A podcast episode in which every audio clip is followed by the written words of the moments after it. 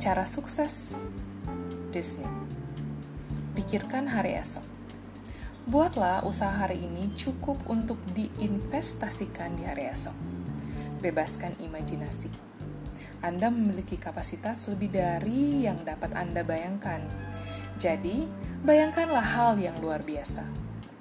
Berjuanglah untuk kualitas yang tidak ada akhirnya. Lumayan, tidak pernah cukup. Bersikap bertahan pada sesuatu hal. Jangan, jangan, jangan pernah menyerah. Nikmatilah.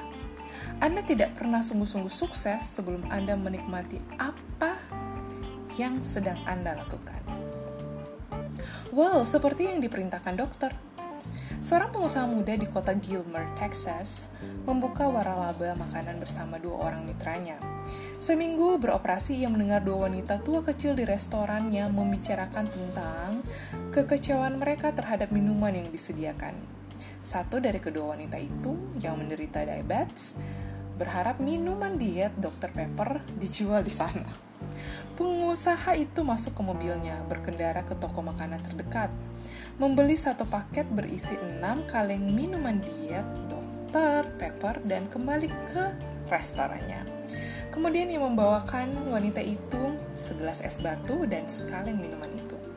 Nyonya, sapanya, akan selalu tersedia dus minuman diet Dr. Pepper bertuliskan nama Anda di atasnya di dalam lemari pendingin di, luar, di ruang belakang. Sebutkan saja nama Anda kepada pramuniaga di kasir bahwa Anda mau memesan minuman diet Dr. Pepper dan mereka akan mengambilkannya untuk Anda. Wanita tua itu terkejut bukan kepalang. Anak muda, katanya. Saya tinggal di kota ini seumur hidup saya saya banyak memiliki teman yang berpengaruh dan mereka semua akan mendengar apa yang telah Anda lakukan bagi saya. Terima kasih. Mulai saat ini, kami akan menjadi pelanggan yang setia. Dan wanita itu membuktikan perkataannya. Hebat bukan? Paul, jenderal terbesar, seorang pria meninggal dan bertemu dengan Santos Petrus di gerbang surga. Menyadari akan pengetahuan dan kebijaksanaannya, ia ingin mengajak mengajukan pertanyaan.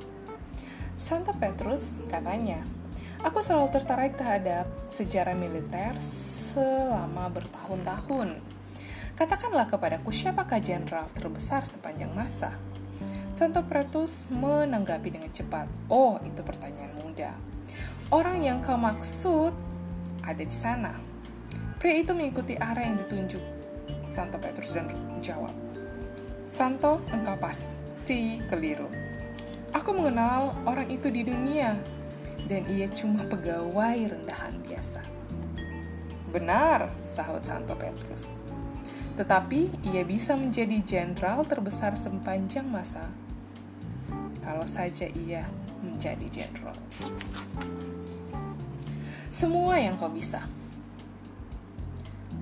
Lakukan semua sebaik yang kau bisa, dengan sepenuh hati yang kau bisa, dengan segala cara yang kau bisa, segala tempat yang kau bisa,